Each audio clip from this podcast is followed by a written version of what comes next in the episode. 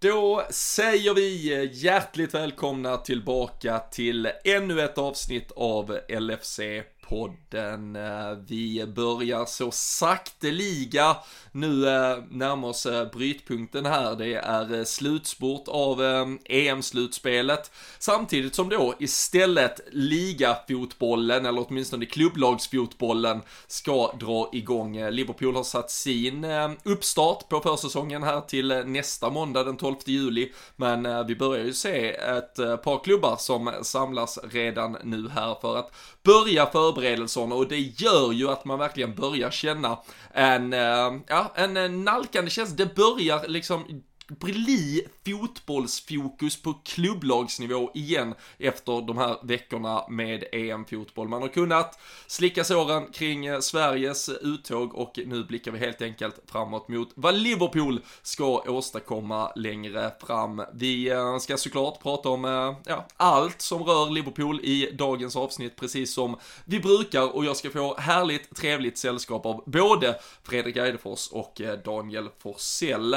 Vi gör såklart avsnitt avsnittet precis som vanligt tillsammans med LFC.se och eh, idag har eh, supporterklubben dessutom lanserat sitt familjemedlemskap. Och eh, vad är egentligen bättre än att samla hela familjen, liksom inkluderat i den stora röda familjen. Så löser man ett ordinarie medlemskap, eh, kostar 299 kronor, så kan man sen fylla på med ytterligare familjemedlemmar för bara 99 kronor styck. Så man kan alltså till en klart mycket billigare peng nu samla hela familjen som eh, fullvärdiga medlemmar av eh, den härliga häftiga supporterklubben och eh, det kan vi ju bara med den varmaste rekommendationen tycka att ni alla bör göra. Så surfa in på lfc.se, läs mer om detta och eh, ja, gör det om en timme eller så. Först kan ni luta er tillbaka och njuta av ännu ett avsnitt av LFC-podden.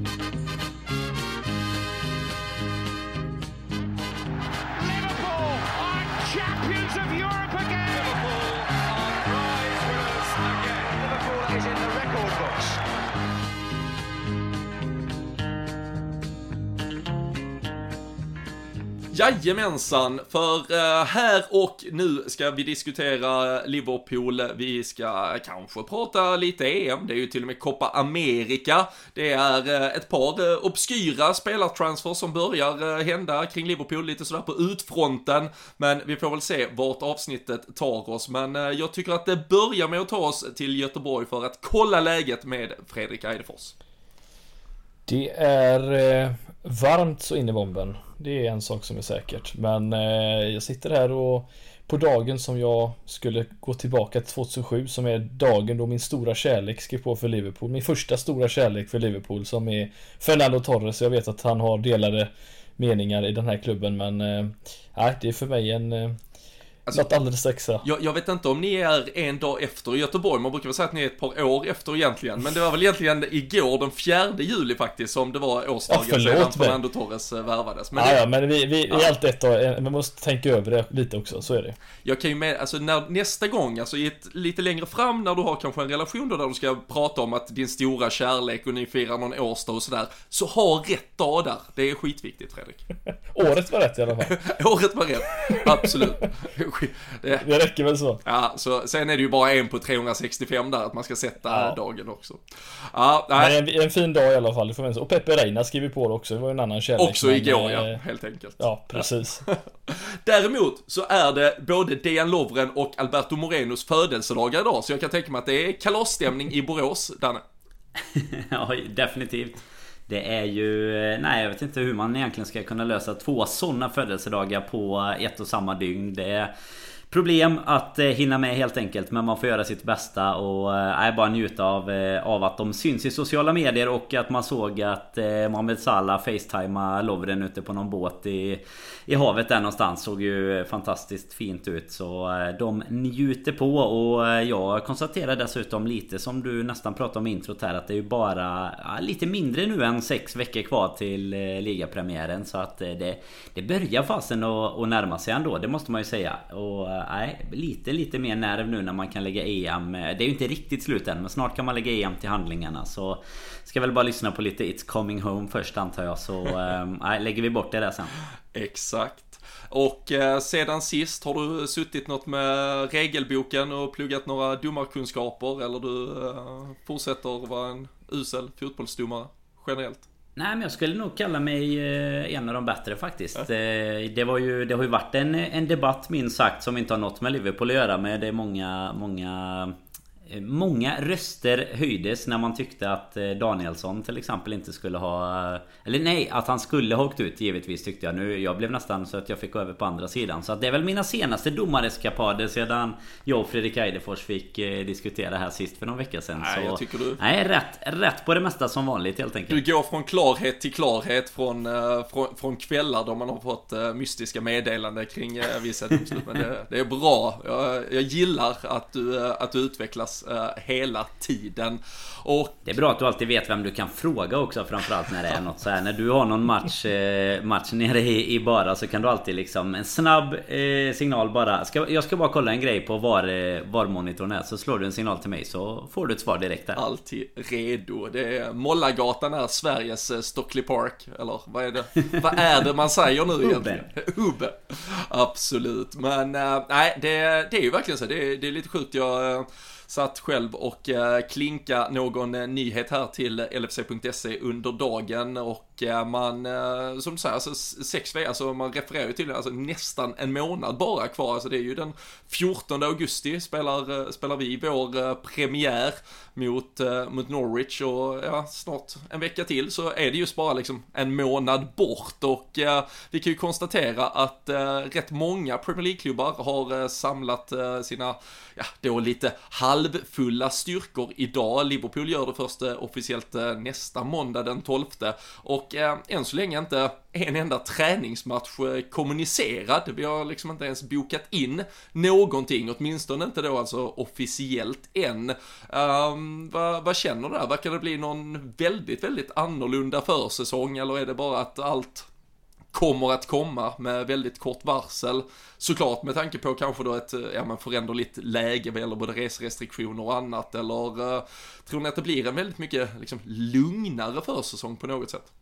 Men det känns lite konstigt framförallt att det inte har kommit ut någonting tycker jag. Jag menar, man kan ju alltid lita på att eh, Tranmere är borta i en match som kommer att stå i kalendern. Men i övrigt så brukar man väl ändå veta lite mer. Jag tänker det kommer ju Oavsett restriktioner skulle jag gissa finnas ett eh, Evian-läger eller något liknande i, eh, ja, men som kommer att ske. Men frågan är ju varför man inte kommunicerar det. Jag vet inte om du har ännu färskare siffror på det än jag har Robin. Men jag tror att jag läste det nu i den gångna helgen här. Att det var väl Liverpool var en av sju klubbar eller någonting mm. i, i Premier League som inte hade kommunicerat några träningsmatcher än då. Det är ju Alltså det kan ju inte heller bero så jättemycket på, på EM och Copa America och sådär För det har det ju aldrig varit ett problem innan egentligen Utan vi, man är ju ganska van vid att de här första träningsmatcherna Det är ju då Harry Wilson till exempel gör eh, sina baljor och det är då eh, Ejaria kan briljera och sådär. Man, man liksom hinner få upp ett hopp om någon av de här spelarna i början på säsongen Men det, det känns, alltså jag vet inte om det, det är ju inget dumt eller konstigt med det Men det känns bara jäkligt mysko att de inte har eh,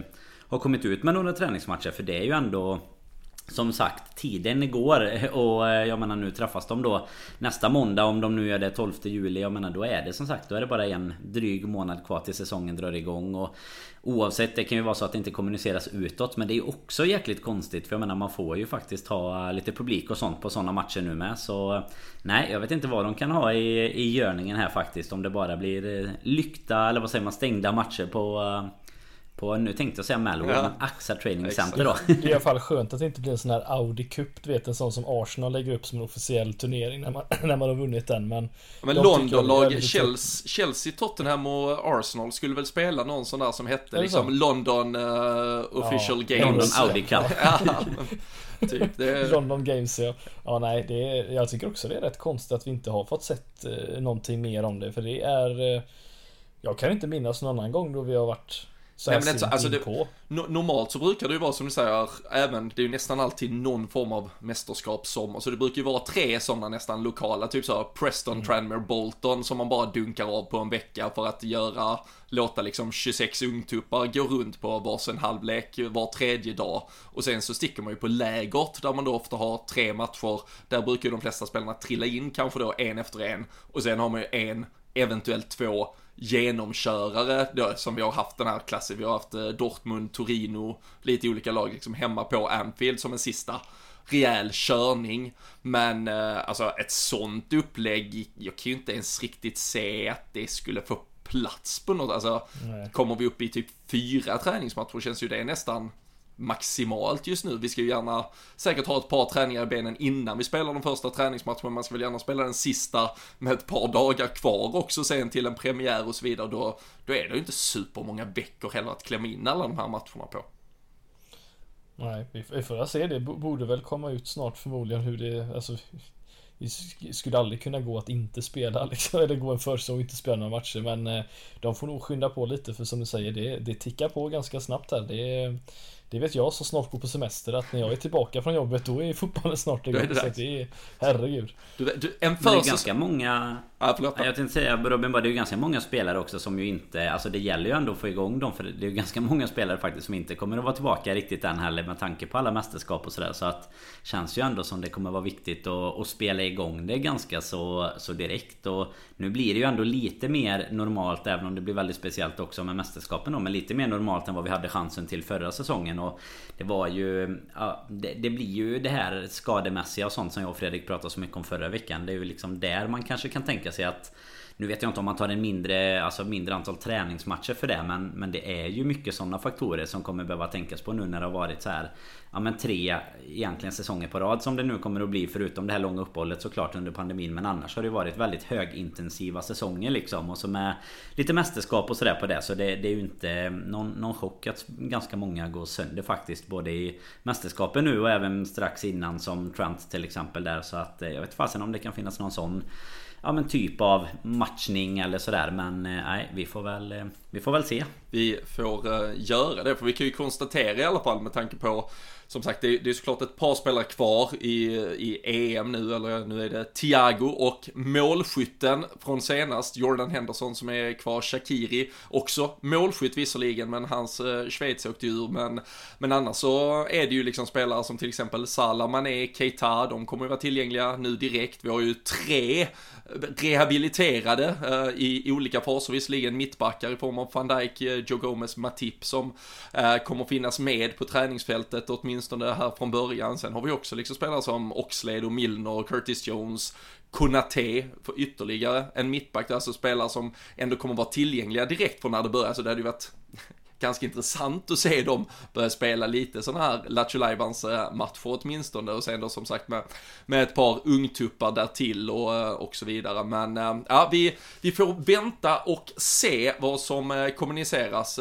Lite snack om Gerards Rangers ska ju bland annat möta just Tranmere, så de ska vara ett par dagar i Liverpool, så det har snackats lite om att den skulle kunna vara aktuell, men enligt The Athletic idag här så såg det väl inte ut att vara så. Det har tydligen också varit snack om en träningsmatch mot Manchester United. Men efter superliga-fiaskot och efterföljande protester så tror jag vi kan eh, glömma att eh, det blir verklighet eh, under den här sommaren i alla fall.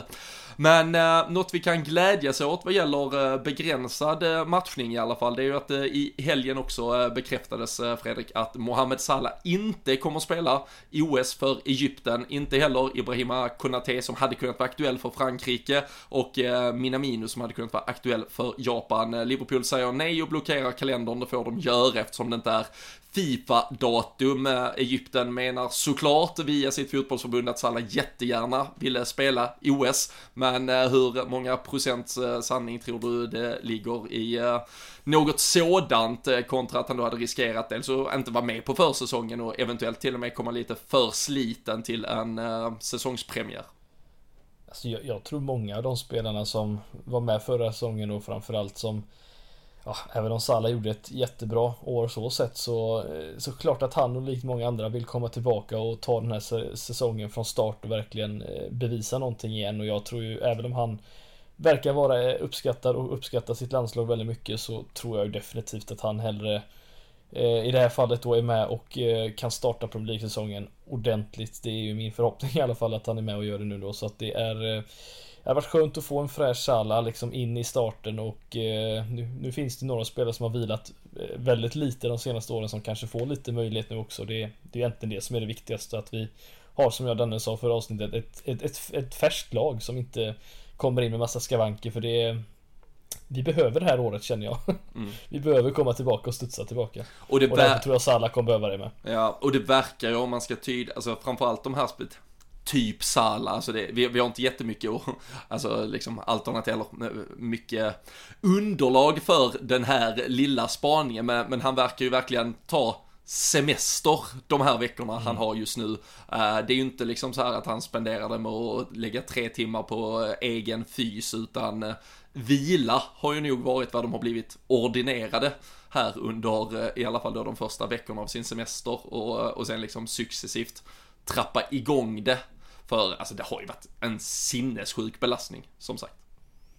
Ja men det är ju verkligen, alltså det syns ju som du säger i sociala medier och med mer att det är väldigt många av de som inte spelar mästerskap nu som Som passar på att njuta lite. Och jag tror väl eh, Alltså man vet ju inte riktigt hur stort det är. Alltså jag, jag kan inte tänka mig att det är jättemånga som tycker att OS just är, är jättestort Utan det handlar väl mer om att i så fall representera sitt land. Och Att det kanske spelar mer roll för andra än, än inte. Men jag kan ju inte tänka mig att man tycker att det skulle vara, alltså det, det är såklart supporten som, som talar Man kan inte tänka mig att man skulle tycka att det var viktigare än att eh, komma igång med klubblaget Alltså så dåligt som det ligger för Precis som du var inne på där Robin, du missar ju både försäsong och eh, ja, men stora delar av, eh, av början av säsongen sådär. Det är ett par matcher i alla fall så att eh, jag hoppas väl verkligen att det är eh, ut, ut på havet och njuta. Nu ligger jag i någon hängmatta som han la upp i, igår där med sitt eh, 12-pack eller vad man kan tänkas ha på den överkroppen och så komma tillbaka och eh, ösa in mål och fortsätta på den inslagna vägen. Men det har ju verkligen varit helt, helt sjukt med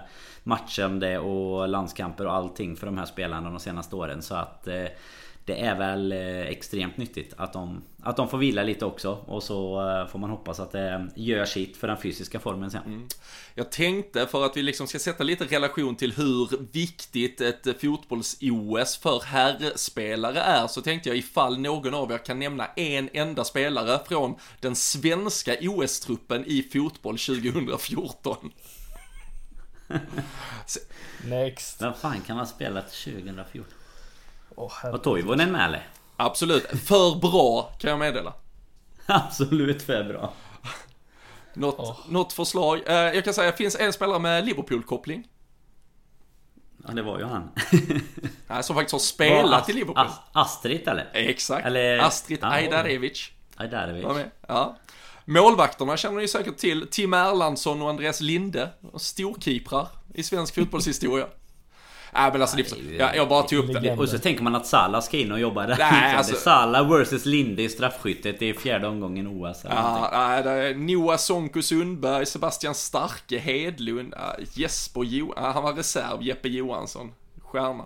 Nej, det är ett jävla skitlag helt enkelt i alla fall. Men, men, vad är det som Vad är det som gäller? Är de, har de något så här tre Eller är det, tre, är det tre, trupper? Äh, tre, eller är det så här tre överåriga? Tre överåriga. Eller, ja, det, ja, tre bra spelare, resten ja. mediokra. Ja, det, ja, lite så. Under, det, det är ju de, det är ofta brukar det ju vara föregående års U21E. Nu spelades ju det färdigt i år, men jag vet inte exakt mm. hur de ligger på åren igen. Eller ja, det är ju ett OS är förskjutet, men annars är det väl typ föregående U21-EMs liksom 11 eller lag du får lov att utnyttja, eller den åldersgruppen plus då tre överåriga. Men eh, nej, jag tror inte att Mohamed Salah ligger eh, sömnlös över att han inte kan eh, representera Egypten i OS, utan han får istället eh, ställa in siktet på eh, premiären där mot Norwich den 14 augusti och eh, idag så fick vi också beskedet att den där premiären, alla premiärer, alla matcher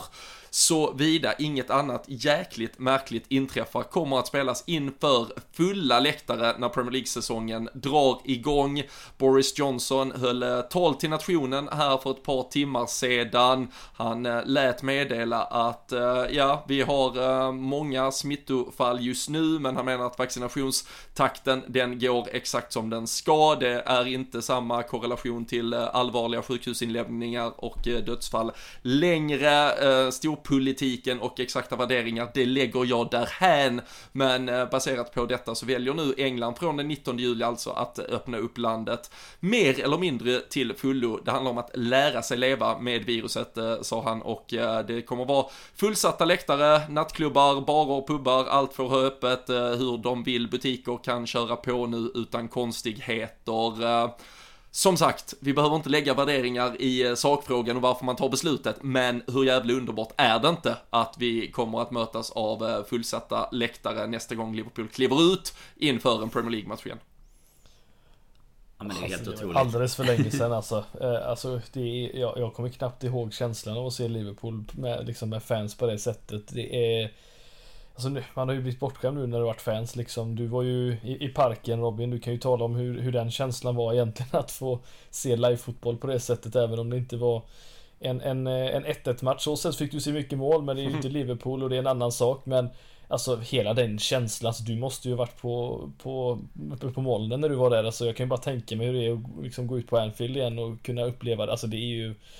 Det är, alltså, det är svårt att förklara, det är svårt att sätta det i ord egentligen vad det faktiskt innebär och framförallt för oss som Liverpool. Eh, alltså, vi vet att vi är beroende av fansen, det är ju det det handlar om så att eh, Ja, det, det kunde inte kommit bättre nyheter just nu. Nej, alltså vi kan ju bara se på det, det EM-slutspel vi är eh, nu i sluttampen av. Det, det, är Spanien, Italien, England och eh, Danmark som eh, spelar i de här två semifinalerna. Fyra länder som alla fick spela sina tre gruppspelsmatcher och i vissa fall då någon match därtill på hemmaplan inför publik. Uh, såklart i mer eller mindre omfattning, men ändå, alltså det bygger ju någonting. Det bygger Alltså inte bara i stunden att du får den där adrenalinkicken, vilket man såklart får, men det bygger ju också det där bandet till att du har folk som är nära och verkligen bryr sig om vad det är du sysslar med. Alltså det är klart att du tar med dig de sinnesbilderna in i nästa utmaning. Om det så är att det liksom redan går bra och man väljer att bygga på det som sker.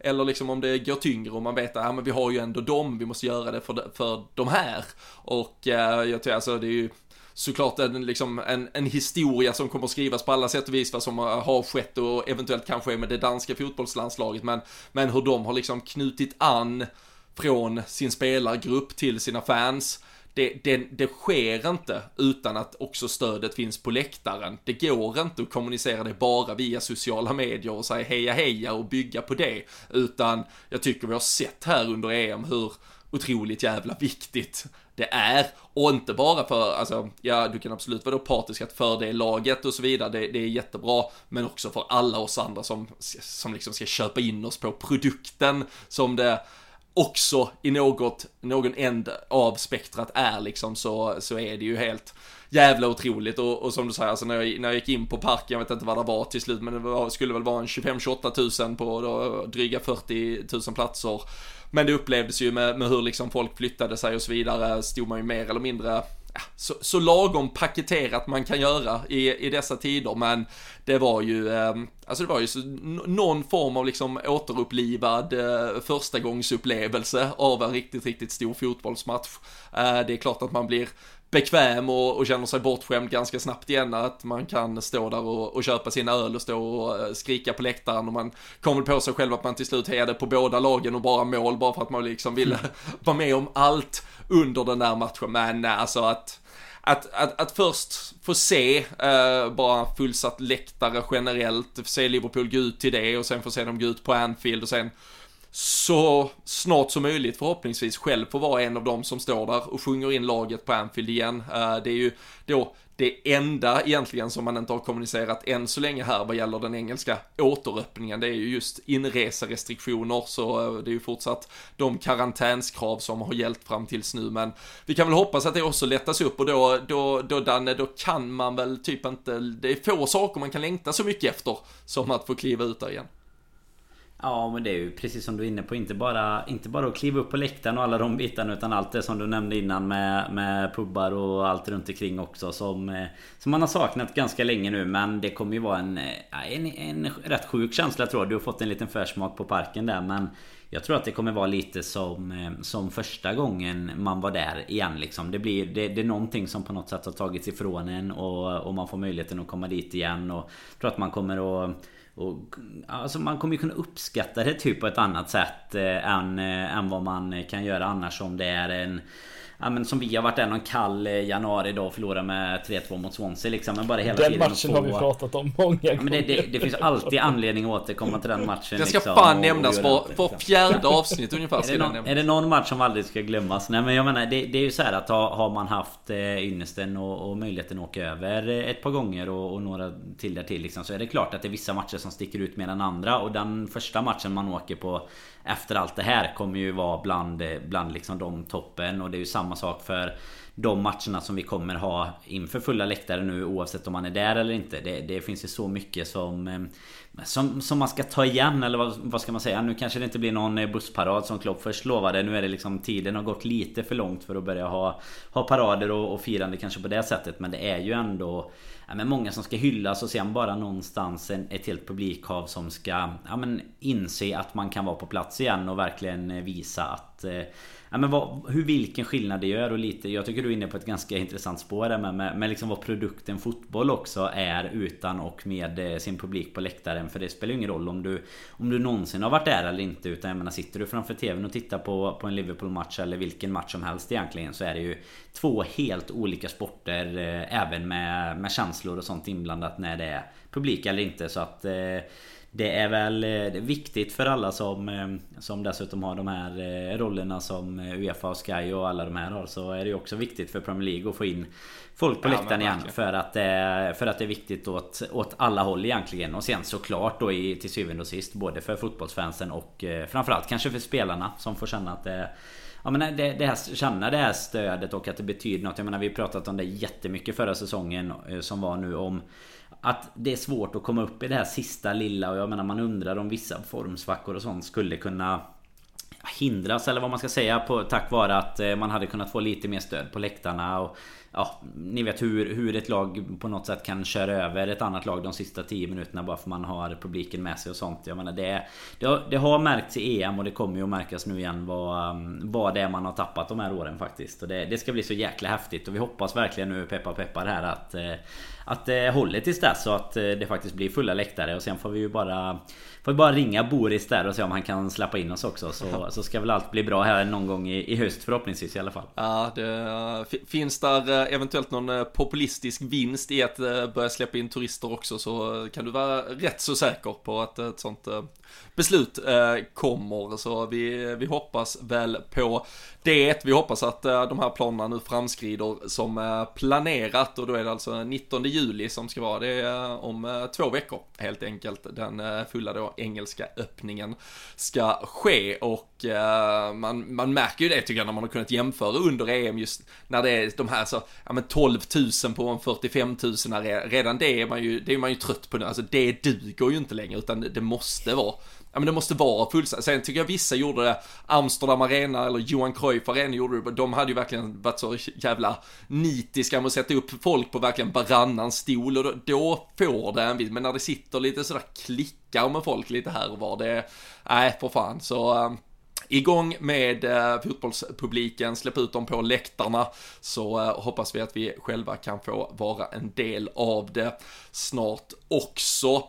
Men eh, för att eh, kanske avsluta lite EM-segment här eh, så får vi väl ändå passa på Fredrik att gratulera våran lagkapten Jordan Henderson till efter många års väntan sitt första landslagsmål för Three Lions när han knoppade in en hörna av alla sätt att nu göra mål. Han har i och för sig gjort det ett par gånger. Wolverhampton borta gjorde han väl det under eh, guldsäsongen och där var han ju, hade han ju ett, ett minimalt målstim. Han gjorde väl typ två mål på fyra matcher kanske för oss.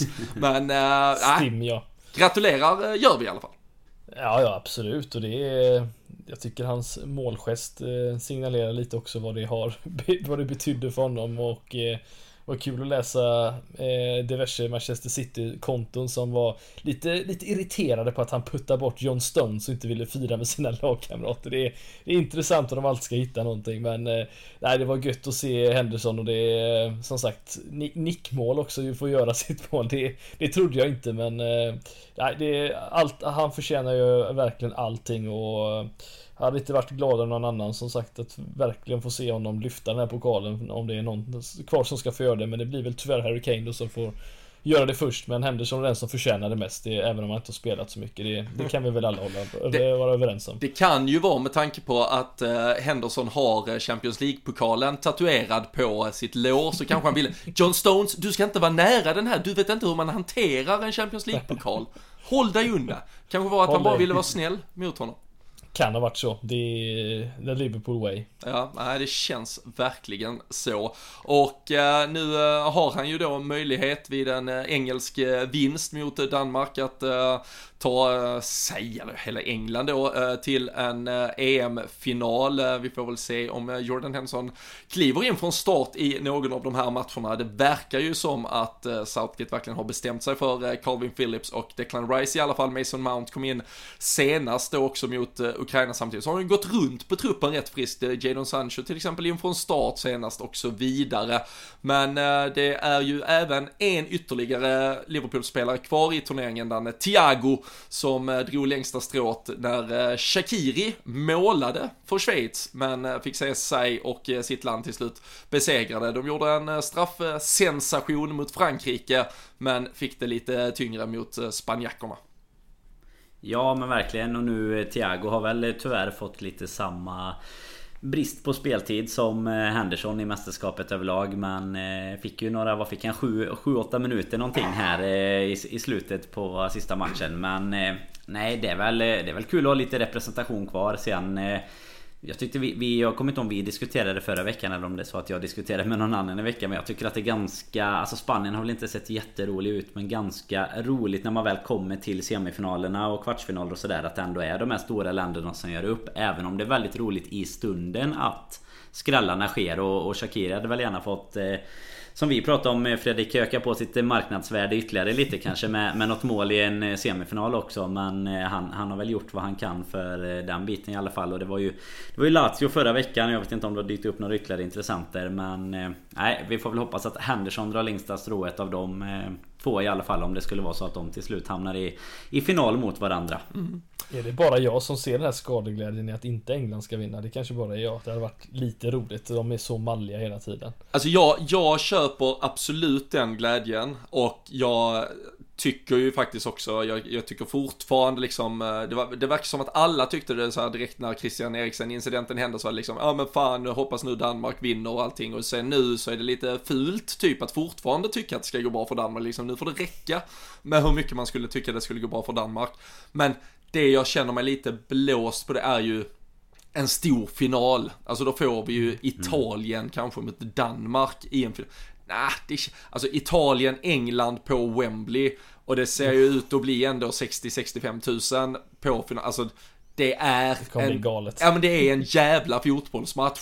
Så på så sätt så måste jag ändå tycka det. Och, och därav också att jag tycker Italien före Spanien för jag tror att det ligger mer historia och mer liksom rivalitet på något sätt mellan just om det blir Italien mot England än alla de andra scenarierna. Så, så där är jag Eller så är det bara för att du tycker att Mancini är så jävla välklädd så det är, det är därför han förtjänar att vinna igen. Ja men alltså han är ju inte bara välklädd, alltså har du sett honom när han tar av sig kläderna också? Han är ju så jävla vältränad. den är, den är alltså, äh, strandbilden ja, så... Ja, det är ju helt... Jag kommer inte ihåg vad han är nu men säg typ så här bara ja, 50, 54 år och liksom har en öl, ölmage och sådär så ser man honom liksom. Nej, det är... Sjukt. Och så ser man Klopp ligga och scrolla i telefonen på någon solstol på Ibiza och be om två nya Heineken och luta sig tillbaka. Fy fan. Ah. Nej, men ah, Roberto Mancini eh, unnar jag eh, mycket framgång trots sitt förflutna i Manchester City.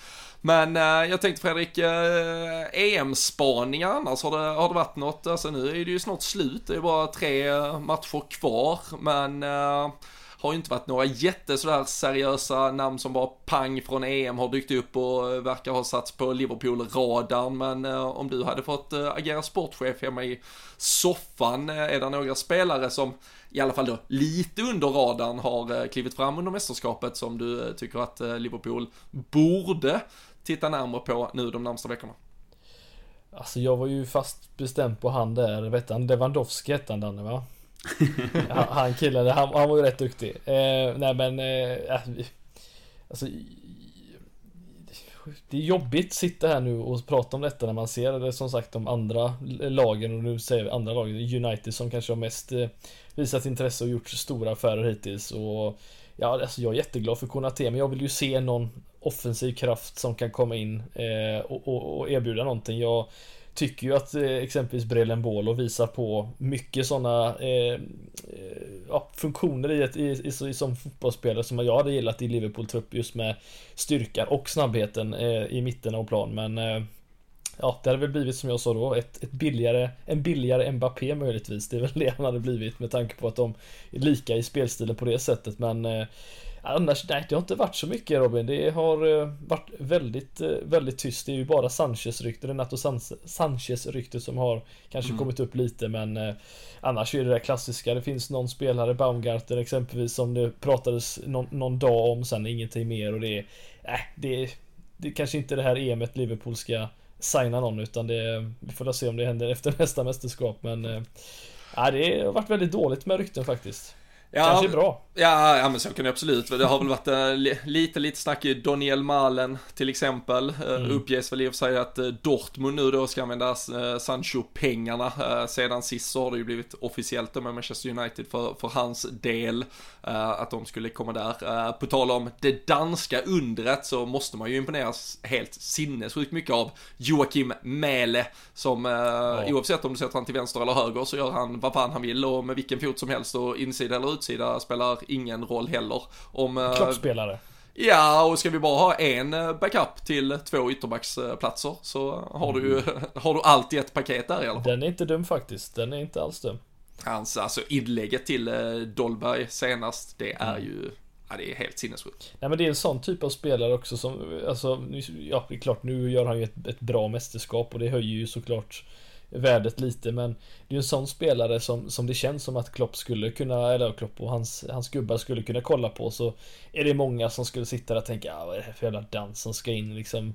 Kostar ju inga pengar, han kommer ju inte förbättra något. Men det är ju de här spelarna som Liverpool kollar på och som, som överraskas i slutändan. Men eh, jag vet inte vad han har gått för nu Robin men eh, det hade i alla fall eh, varit absolut ett, ett väldigt trevligt eh, tillskott i den här truppen. Ja, nej. Han har väl inte varit i, Han var i Atalanta men han har väl inte varit där så länge heller. Nej. Alltså jag tror han kom... Jag på tror han, bara alltså ett halvår eller någonting. Alltså jag tror han kom i januari till Atalanta. Ja, från precis. Genk ja, sista... eller Gent. Jag ja. tar inte gift på det och det gör ju inte Liverpool-fans heller. tror att det var, men den är tuff. ja, vi vet Liverpool-fans som har kommit fel där, så det ska vi passa oss för. just det, just det. Den är vi fan vad klassisk. Skönt att man fick komma ihåg den lite nu. Ja, men äh, vi, vi får väl se om äh, det blir, det var, nu nämnde du Ibrahima Konate och att vi inte ska ta något äh, ifrån den värvningen börjar fan bli liten. Varför har vi inte presenterat honom officiellt än? Han har varit klar i fyra dagar egentligen. Det är bara en bluff Robin. Alltså, PR-trick. Man, man, börjar ju få så Nabil Fekir-känsla här snart att något har uh, skitit sig alltså, men... Um... Alltså, alltså den festen han själv körde hemma och så skiter det sig på typ en läkarundersökning. Alltså vem fan beställer in brandade vattenflaskor med Liverpool-logga och alltså, och kör You Never Walk Alone och kör Liverpool-tårta typ och drar allt, upp det på Instagram. Allt för Instagram Under, gubbar. Allt för Instagram. Alltså. Ja men allt som vilken åttaårig Liverpool-supporter som helst hade velat ha på sitt födelsedagskalas. Uh, helt otroligt. Liksom samla alla polare i någon lyxvilla och sen kör man ett klassiskt jävla barnkalas bara. Det, uh, all respekt till Kunate faktiskt. Men det är inte det, jag håller med dig. Det är lite fascinerande faktiskt att ingenting har hänt. Visst, nu är det väl då det är fem dagar då. Jag vet att det är den femte dagen Robin, så du behöver inte hålla på. Nej, jag vet det Men, eh, nej men alltså det känns som att, ja det är klart de sitter ju inte liksom 0.23.59 den 30 liksom och lägger upp sen så fort klockan blir 00 liksom och, och, att nu har vi köpt honom utan någonting hade, alltså en intervju eller liksom något lite större så, eller något, lutande någonstans. Det behöver inte vara på träningsläger, det kan vara på bakkalaset, vad som helst. Men... Eh, ja, jag, jag liksom... ser dem, det är bara som att de, de la ju upp lite när det blev klart. Typ, ja. alltså ser de, det är kanske det är bara att vi ser, de ser det som att det, det är gjort liksom. Sen är ju inte, man ska inte säga att Liverpools eh, Twitter och sociala mediekonto brukar... De brukar ju inte missa chansen att få ta lite bilder och lite som du säger Fredrik, där, luta mot någon stolpe och sådär. Det, det gör de ju gärna så att det, det är ju lite konstigt att de inte har fått in det. Men om det kanske är när han väl ja, men kommer in till eh, till anläggningen och sånt då när de väl drar igång. Men det är väl lite konstigt i och med att det ändå ja, och så, det, det, nu då i månadsskiftet. Ja, och det, det, brukar alltid vara liksom som eh, subject to international clearance och bla bla bla. Och så alltså först juli öppnar det ju officiellt så det är då man kan presentera spelaren som är, ja, han, han har väl helt... Det blir 31 augusti när Boris släpper inreseförbudet. han, han är förbjuden, det var för mycket äh, virusrisk i det där jävla barnkalaset han körde när han äh, fyllde år helt enkelt. Men äh, nej, vi får får se. Ibrahima Konate ska vi väl kunna räkna in. Sen eh, har det pratats om ytterligare två värvningar eh, under sommaren. En mittfältspelare och en anfallsspelare ska vi vara på jakt efter. Eh, en gammal Liverpool-bekantning som kan bli aktuell för antagligen inte Liverpool, men från någon annan klubb. Danny Ingstane, han kritar inte på nytt kontrakt med Southampton. Han har ett år kvar, kommer vilja lämna för att, ja, inom citattecken vinna titlar. Det betyder väl också att ge upp karriären, sätta sig på bänken eh, någonstans. Men då är ju Liverpool-Twitter snabba med att tycka att man ska ta hem honom. Eh, hur eh, får det det att vattnas i munnen efter en skadebenägen 28-29-åring? Nej men det skulle jag inte säga att det gör, inte jättemycket faktiskt Utan eh, jag känner väl att han har Alltså det, det som är så konstigt tycker jag med att han, han går ut med det Det var väl idag faktiskt som det, det kom ut att han tackar nej till det fyraårskontraktet Och jag menar att Att du då Jag menar han kommer ju från från Burnley innan var det va som han var när han ändå öste in en del mål. Han kommer till oss. Visst han gör en del baljor och sådär. Tyvärr är då mycket av den eh, karriären hos oss förstörd på grund av skador. Men sen kommer, kommer liksom ner lite i nivå igen i Southampton och börjar verkligen och, och ösa in mål igen. Så tycker jag kanske att det känns som att han, eh, ja, men att han har hittat sin nivå lite. Han kanske inte ska ligga i i den allra första raden av anfallare liksom. Sen kommer han ändå göra sina mål sett i Premier League om man säger så. Om han spelar i en klubb där han får 38 matcher från start. Om han, så länge han är frisk helt enkelt. Men jag tror ju eh, precis som det du är inne på där att ska han upp ett snäpp i klubbhierarkin då kan han också räkna med att han åker ner ett snäpp i Pekingorden om man säger så. Så att då, då blir det väl mest bänk och frågan är om det är om det är det som han faktiskt är ute efter. För jag kan inte se riktigt vilken klubb det är. Alltså han ersätter ju kanske inte Sergio Agüero liksom. Utan där snackas det ju mer eh, Kane. Och då är det väl möjligen om han ska ta Kanes plats i Tottenham då. Men eh, det var ju det där med titlar också. Så jag, det är väl Audi Cup då Fredrik kanske. Som han kan, eh, skulle kunna få stoltsera med. Nej men jag vet Jag tycker att det är lite konstigt. Hur kul är det att förlora med 9-0 varannan vecka då? Nej men jag tycker att det är lite konstigt att han eh, Varför han nu skulle tro att han kommer att kunna ta sig till liksom en, en mycket bättre klubb. För Southampton är ju ändå De har ju bra förutsättningar för att vara en En klubb mellan plats eh, Ja men absolut max eh, 7-8 till 13 liksom. Och det Vissa måste väl inse att det är där ens nivå ligger. Ja men annars hade ju vi också Suktat efter titlar här i slutet på karriären men man har insett sin nivå. Ja, och man, alltså man får ju nästan nästan hoppas att han har liksom fått något lite, alltså ändå indikation på att det är något av dem då lite större, alltså inte absolut aldrig att han skulle gå in som någon ordinarie anfallare, men då att han ska vara en eventuellt tilltänkt andra fjol till någon i något av de lite större lagen. Och, alltså det skulle ju vara liksom alltså om äh, även eh, City kanske svänger ut Gabriel Jesus. Det har ju ryktats om att han skulle kunna liksom involveras i något eh, Harry Kane-köp eller att man eh, frigör honom eh, ekonomiskt för att då plocka in Harry Kane och att Ings ska spela lite andra fjol där och de behöver väl fylla på med lite homeground-spelare, alltså engelska spelare och, och så vidare. Men men alltså annars borde det ju varit, alltså med tanke på hans historik att få ett fyraårskontrakt på bordet vid den här åldern med de skadorna han har som antagligen har varit förbättrat då också mot det han redan har så är det ju märkligt att han inte tar det, kan jag tycka. Men, Måste det vara England då? Danny Ings. Mm. Ja men vad, vad skulle han Det spela? känns så Fredrik. Det känns så. Fan. Tycker du inte det? Alltså Burn, Burnley... Men han kan eh, inte, jag, jag tror inte han kan byta upp sig i den här ligan. Alltså, Nej, nej, då men- blir det ju andra fiolen som vi pratar om och då... Det är han och Braithwaite i Barcelona. Ja men Braithwaite ska ju vinna Ballon d'Or sa ju hans farbror idag också. Inom, inom 24, alltså inte så heller någon gång i sin karriär, inom 24 månader, så på två år ska Braithwaite, han är redan topp 5 eh, offensiva spelare i världen enligt hans farbror. Ingen, alltså man vill ju ha den hybrisen som han har i alla fall. Ja, Ja, bara implementera det till dina barn Robin, då kommer de bli bäst i världen sen. i- Ja, ge, ge det, okej. I alla fall enligt Robin. Ge, ge, ge, ge det fem år så eh, vinner min grabb eh, också Ballon d'Or helt enkelt. Men eh, då, då ska kanske vi ha går så lång miste om våra pengar nu då. Den här sell-on-klausen där var 20% vi har på, på honom Mm. va? Som vi numera Eh. alltid har på allt och alla, känns det som.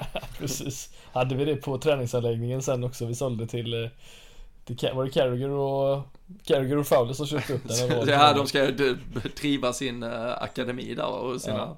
foundationsprojekt. Just det. Ja.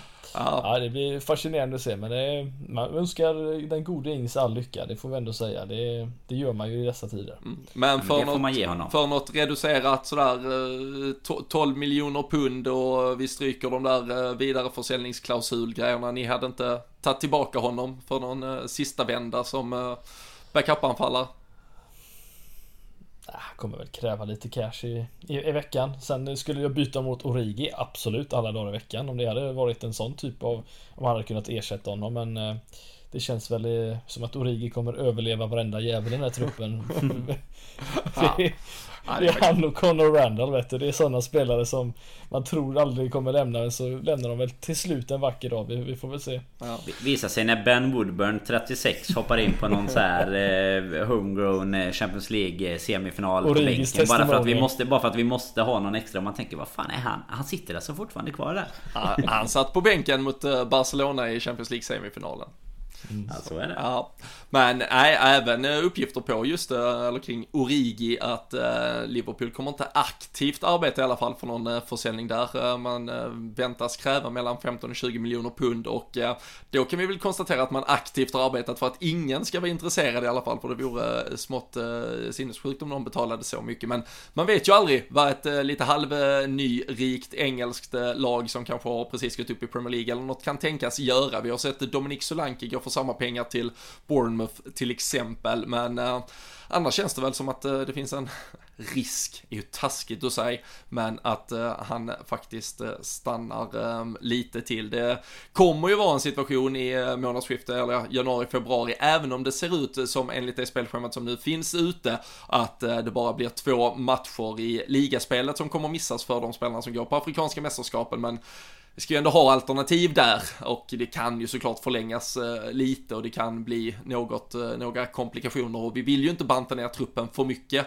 Men eh, vad ger vi Divock Origi för procentchanser Fredrik på stay or go? Ja, jag, alltså jag, jag tror han stannar en, minst en säsong till, till det tror jag för det är Jag vet inte tusan, alltså, det- man får ju använda honom i en sån swap plus pengar deal om man ska få iväg honom känns det som. Jag, det, ja, det känns taskigt med tanke på vad, vad han har gjort och hela den biten men eh, han är ju tyvärr inte en eh, superbra fotbollsspelare och ab- absolut inte för att kunna starta i Liverpool om som vill tillbaka till toppen och det det är väl tyvärr den sanningen man får gå efter men eh, jag tror att han överlever en säsong till sen eh, Sen händer det grejer.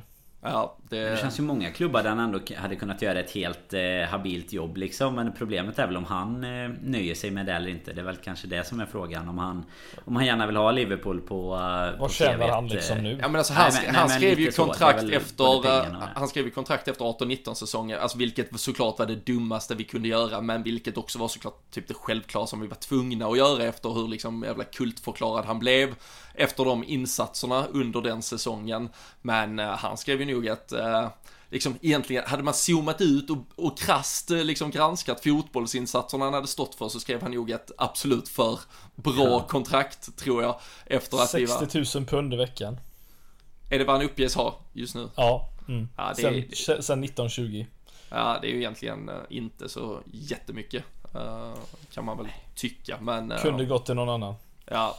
Så är det absolut. Vi får vänta och se. Vi kan eh, konstatera i alla fall att Liverpool eh, har sålt Kamil Grabara, eh, polske Junis-keepern som aldrig har fått någon riktigt seriös chans till FC Köpenhamn. Paul Glatzell på lån till Tranmere och Liam Miller med 11 kanadensiska landskamper uppges vara väldigt nära att bli klar för FC Basel också. Och sen ska vi sälja Taiwo Awoniji nu efter typ sju år efter att han har fått engelskt uppehållstillstånd eller arbetstillstånd också. Så ni, ni hör vilken jävla, vi, vi börjar verkligen med de st stora namnen. Stora namnen.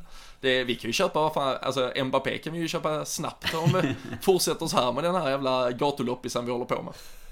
Ja, karusellen är igång nu. Det är, det är ju sjukt. Alltså vilka namn. Det är ju Glasellen. Och då, det, det måste ju innebära att han är tillbaka från sin skada i alla fall. Som han eh, ådrog sig där nu. Fick han inte det för två år sedan? Var det inte två ja, år det kanske är två år. Okej, det kanske är två år sedan då. Ja men det var, det var när han var fin. Det var när han var fin på försäsongen. Ja, så som vi pratade om innan. Det var ju eh, när, när, man tänkte att det här, det här är den nya, nya gubben för oss nu.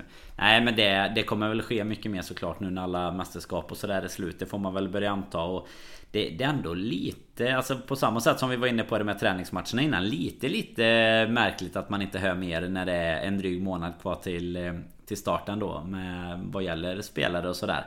Men eh, jag hoppas väl att det jobbas i det tysta helt enkelt. Ja, det får vi väl utgå ifrån att det gör. Ehm, som sagt, det är ehm, återsamling eh, på träningsfältet om en vecka. Vi, vi får väl se om det åtminstone under denna veckan här nu kommer lite besked kring eh, träningsmatch för något eventuellt träningsläger så vi kan börja planera i våra kalendrar. Man vill ju inte riskera där att det är en EM-final på eh, söndag kväll och sen att man inte har någon match i kalendern på en hel månad fram till premiären utan eh, det får ju börja komma lite så man kan boka in och eh, förbereda sig. Det blir ju spännande att följa såklart alla spelare. En Harvey Elliott till exempel ska bli jävligt kul att se på försäsongen vilken nivå han går in i detta med och eh, sen då efter att vi har återsamlat laget så blir det successivt spelare som återvänder från framförallt då EM-slutspelet här. Alla spelare är ju beordrade eller de har ju rätt till åtminstone tre veckors semester efter då sista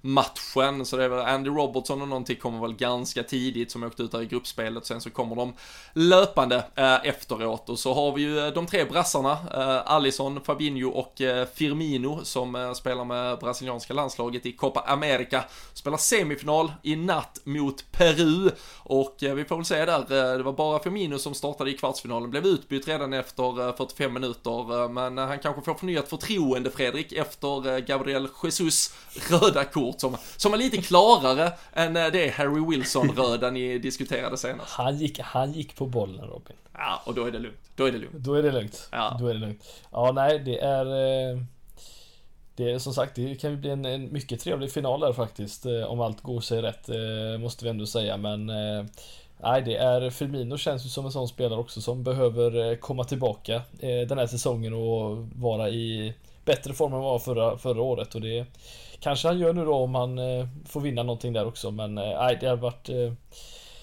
han behöver, känns inte som att han verkligen behöver en liten nytändning på något sätt, gör inte det? Alltså någon, någon jävla tändning på något sätt be behöver han ju absolut sen. Sen, sen visar han ju... Det kändes väldigt beige förra säsongen va? Det kändes, alltså det, jag vet inte, det fanns inte några jättetoppar, det fanns kanske inte någon superdal heller men det var liksom inget, det var väldigt så här mellanmjölk, lite Joe Allen över det som vi pratade om för när vi startade podden. Att det, det, var, det var en sexa varenda match, det var inte mer än så ungefär. Ja, och sen, sen är kanske, man kanske också ska börja anpassa laget i övrigt att det ska finnas plats för hans mm. ungefär liksom 6-7 prestation hela tiden för att den kommer vara vägvinnande i både offensiv och mm. defensiv riktning på, på något sätt. Kan Men, Ja, det, det, det, det lär väl alltid vara en svårtolkad spelare eh, kring exakt hur han ska användas och exakt vad man ska förvänta av honom. När, när laget väl fungerar och någon annan ändå gör målen så är det ju alltid underbart att ha honom där. Men eh, i en 0-0 match så, så kan det till slut vara lite frustrerande. Det tror jag väl alla är eh, överens om och eh, vi får ju se här hur det går. Peru i natt som sagt. Sen tror jag väl att det är då natten mellan lördag och söndag va? Som det kan vara en riktig jävla dunderfinal mellan Brasilien och Argentina om det då går som man väl som neutral fotbollsälskare får hoppas helt enkelt. Och så då följa upp mm. det efter att uh, sovit i kapp lite på lunchen kanske, så har man Eventuellt då en Italien-England, eller oavsett vilket, en jävla dunderfinal i EM också på söndag kväll. Det, fan Danne, det, det växlas upp. Och så Liverpool sen på det. Det, ja, nu lever man. Ja, nu lever man igen. Ja, en grej som jag var tvungen att reflektera över bara när jag kollade lite på Brasilien här. För när du nämnde att inte Alisson startade så tänkte jag vad fasen, vad, vad har hänt där nu då? För jag vet att jag har sett de två typ matcherna man väl har varit inne och kikat lite att han startade. Men de har ju fasen spelat med tre olika keepers på fem matcher. Mm. Brasilien. De Ederson två matcher, Alisson två och Weverton eller Weverton, eh, ursäkta uttalet, i Palmeiras 33 år har också spelat en match. Vad har du på honom Danne? Vi har att han spelar i Palmeiras och är 33 år. Det är ungefär det, de namnen. Och att han nästan heter Everton då. Räcker så. Ja det räcker så. Du är nöjd? Ja absolut. Nej men Nej men som du är inne på Robin där lite får man, Är det Brasilien, Argentina och en eh, fin EM-final så är det till och med att en, eh, en, en landslagshatare kan, eh, kan börja varva upp lite. Ja, så, så tar du en veckas vila och sen bänkar du dig för Egyptens OS-satsning och spanar in sen blir det gänget. Sen är det Liverpool-Brentford eller någonting i någon, i någon träningsmatch med de, de som har kommit tillbaka från semestern än. Ja. Men är Salah med om man, om man nu kuppar eftersom han så gärna vill vara med enligt Egyptiska fotbollsförbundet så kanske man tar en liten kik på OS också. Ja, nej, det låter hur bra som helst. Ni andra som lyssnar och är med oss, eh, ni eh, Ska såklart eh, titta in här igen om en vecka för då är vi tillbaka med ett eh, nytt avsnitt. Eh, kanske till och med innan dess. Vi lovar ju alltid att försöka leverera om det händer något stordåd, men eh, än så länge verkar det simmas i väldigt lugna vatten, men dyker det upp någon stor jävla transferhaj, då är vi där och eh, kör på, men annars som sagt hörs vi om en vecka. Vi eh, påminner om de där familjemedlemskapen som LFC.se har lanserat in på sajten och ta en titt där så att ni är helt redo inför den kommande säsongen. Jag vet att det nu med lättade restriktioner också arbetas på högvarv för att få till lite kul träffar och annat skoj under hösten. Så Håll er uppdaterade, eh, häng med i allt som händer. Vi syns och hörs här igen om en vecka. Så ta hand om er eh, tills dess och ha det riktigt, riktigt fint.